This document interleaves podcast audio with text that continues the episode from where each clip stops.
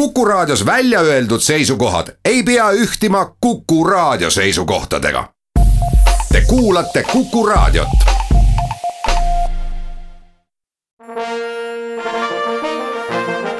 Vanemuise veerand tere kõigile raadiokuulajatele, Kuku raadio stuudios on teid tervitamas saatejuht Tiiu Rööp. tänane saatekülaline on Vanemuise näitleja, kellega oleks tahtnud silmast silma juttu rääkida, aga praegune aeg sunnib meid rääkima telefoni vahendusel. tere, Raivo Adlas! tere! Eesti Näitlejate Liit annab välja oma auraha ja reeglina tehakse teatavaks, kes on selle auraha pälvinud rahvusvahelisel teatripäeval sel aastal tunnustas Eesti Näitlejate Liit oma aurahaga sind ja kui ma mõtlen järele, kes on varem pälvinud Eesti Näitlejate Liidu tunnustuse, siis selles seltskonnas on näiteks Andrus Vaarik ja Lembit Ulfsak ja Toomas Suumann, Külliki Saldre, Hannes Kaljujärv, Luule Komissarov, ma ei lugenud nüüd tervet nimekirja ette, sest seda auhinda on antud üheksakümne üheksandast aastast, päris muhe seltskond, kuhu kuuluda. oi väga, väga, väga uhke seltskond.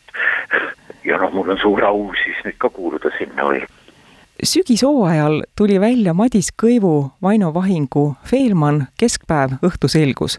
sedasama lugu on varem ka Vanemuises lavastatud. aastal tuhat üheksasada kaheksakümmend kaks, tookord oli lavastajaks Evald Hermaküla, nüüd Margus Kasterpalu. sa mängisid esimeses lavastuses, Evald Hermaküla lavastuses Kreutzwaldi, nüüd Kasterpalu lavastuses Prohvetit. Nende ja. kahe lavastuse vahel on päris pikk aeg.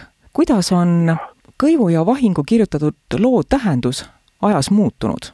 Oi, palju, esiteks riik on muutunud, lavastus tuli välja Nõukogude Liidus ikkagi ja praegu on Eesti Vabariigis juba see ja noh, riigi muutumisega muutub ka publik, kuna publik ju mõnikord teebki etenduse, siis erinevad vastuvõtud olid äh, publiku poolt nendel lavastustel. muidugi tol ajal oli meil tegijatel suur asi, meie pääsesime Feelmanniga, mitte ainult Feelmanniga, seal olid ka teised lavastused, Põrgupõhja ja nii edasi, Rootsis TikTok Stockholmi Rootsi kuninglikus teatris oli meil mitu etendust ja võib-olla seal võetigi, Rootsis võeti Feelmanni lavastust kõige paremini vastu. millegipärast jah, see läks väga hinge, mitte nii suurelt nagu Põrgu Põhja Uus Vanapagan või mida meie arvasime, et noh, et see nüüd lööb laineid ja nii edasi. pärast, kui meil olid need banketid ja vestlemised seal kohalike eestlastega, kuna saal oli paksult eestlasi täis, siis jah, tuli välja, et Feelmann oli nende jaoks kõige-kõige suurem sündmus, et mis pani nad siis nii noh, väga kaasa elama. püsime veel veidikene meenutamise ja. lainel, sa oled olnud Vanemuises väga pikka aega, mis aastast alates? mina olen Vanemuise, tähendab nendest kuulsatest raudväravatest, mis on väikse maja kõrval, sisse käinud alates tuhande üheksasaja kuuekümne esimesest aastast siis tehti Vanemuise esimene stuudio ja siis stuudiokatel oli vaba sissepääs noh, nii etendustele kui teatri tagaruumides ja siis me juba lugesime, et oo, me oleme nüüd juba näitlejad, nii edasi. noh, ja mina pääsesin vist stuudiokatest kolmandana lavale, päris noh, professionaalsele lavale, see oli Epp Kaidu lavastus Esimene ratsarmee ja mina mängisin seal Jefreitor Kastrovi mitu teatrijuhti on sel ajal vaheldunud, oled sa lugenud, kui sina oled Vanemuises olnud? ei ole, seda statistikat ma ei ole teinud, ma olen teinud küll eh, noh, lavastuste statistikat, et mis lavastuses, mis aastal tuli esietendus ja, ja kes seal jah mängisid ja aga teatrijuhtide kohta ma ei ole statistikat teinud, aga kui nüüd meenutada siis kohe jääb meelde nüüd kõige nimekam, kõige kuulsam oli see Vanahirmus teatrijuht, aga kõige rohkem jääb jah, Aivar Mäe teater oli enne mäe tulekut oli kaunis kehvas seisus selles mõttes, et raha, raha mõttes, nii kui Aivar tuli, nii seda raha probleemi enam ei olnud. nojah, võiks ütelda, et oli finantsgeenius, aga siis kes mulle niisuguselt eredamalt meelde on jäänud, on Jaak Viller muidugi, kes ka figureerib veel, ta on väga hea raamatu kirjutanud, soovitan kõigil lugeda, nii siis äh, Liia Kevvai, kellel olid noh, teatri juured. Noh, Mart Raik muidugi on väga meelde jäänud, kes kah päris kaua hoidis seda teatrit üleval ja nüüd ta juhib, ma ei teagi, mida ta seal praegu juhib. No vot, need direktorid on jah niisugused huvitavad, see on hea küsimus, et palju neid direktoreid on, aga ma ei ole kokku lugenud, neid on päris palju. vahepeal siin vahetati neid päris hoolega, sellepärast et nojah, oli selliseid ka, kes ei kõlvanud hästi direktoriks, eks ei saanud näitlejatega läbi ja nii edasi ja nii edasi, nojah, on igasuguseid olnud. Lavastajaid on ka kindlasti olnud nii pika teatritee jooksul väga palju, kes on, kes on sellised eredamad, kellega koostöö no, kõige eredamalt on meeles? no kõige eredam muidugi on see vanahirmus, Kaaren Ird no kes oli jah ta sai oma nime Karl Menningu järgi, no Menningut ka loetletaid, oi, oi missugune türann ja, aga noh, teatrijuhid või eriti kunstilised juhid peavadki olema natuke türannid, et noh, ennast maksma ja nii edasi. no Ird jah, kõigepealt, siis tuli, Kaidu oli Irdile väga vastand, Kaidu oli selline väga hea lavastaja, mina pean teda paremaks lavastajaks kui Irdi, aga Kaidu oli selline malbe ja ei röökinud kunagi, istus saalis ja vaikselt rääkis ja, ja siis, kes on nüüd viimase aja kõige-kõige rohkem meelde jäänud, on Mati Unt ma ei tea, üks minu lemmiklavastajaid, kellega ma olen teinud ka oma kõige meeldejäävama osa, see oli Gombrowiczi laulatus kus ma mängisin siis äh, isa kuningat ja noh, see, see mulle õudselt meeldis. kui rääkida nendest autasudest või siis ma olen väga palju nominent olnud, aga mitte kordagi nagu selleks kõige paremaks valitud. aga jah, hundi selle isa eest või kuninga eest, noh, ta oli kaksikosa selline, olin ma ka nominent.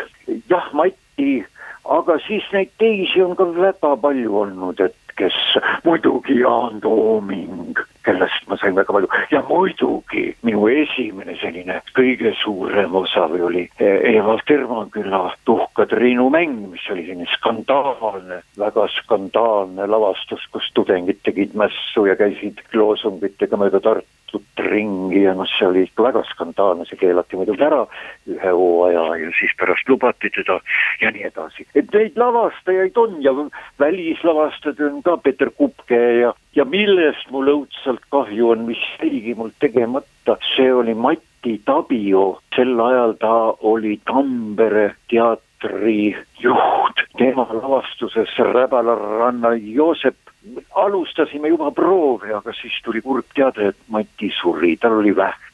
ma ei, mul ei ole praegu seda oma kuulsat pladet kaasas, kus on kõik kirjas, kes mis lavastas ja keda mina seal tegin ja nii edasi. muidugi Kaster Valu ka, aga oli Ingo Normet ta tegi siin hundi kevade järgi, ma ei mäletagi ta pealkirja, selle lavastuse pealkirja, aga miks see mulle meelde jäi, mängisin seal Köstrit, Julküri ja väga-väga huvitav oli seda mängida, kuigi see ei olnud seal, ta oli niisugune kõrvalosa, aga ikkagi, aga miks, sellepärast et kõik need etendused, mis olid selle lavastusega, kõigi etenduste puhul ma istusin lava kõrval ja vaatasin neid, sest need olid niivõrd huvitav, noh näitlejate mäng huvitav, iga etendus oli, sündis nagu uuesti ja noh, et üks selline lavastaja jah, kes mulle väga-väga-väga meelde on jäänud. noh, muidu võikski jääda lavastajatest rääkima, kuna mul on nii pikk see teatrielu olnud, et aga no küsi veel midagi siis, kui küsin tänase päeva kohta, kui näitleja ja. ei saa teatrisse minna ja publik ei saa teatrisse tulla, kuidas sellised päevad mööda lähevad? oi, tead, see on tragöödia, publiku jaoks on see tragöödia, sellepärast et jube palju häid näitlejatöid ja lavastusi jääb lihtsalt nägemata, sest nad ei sünnigi.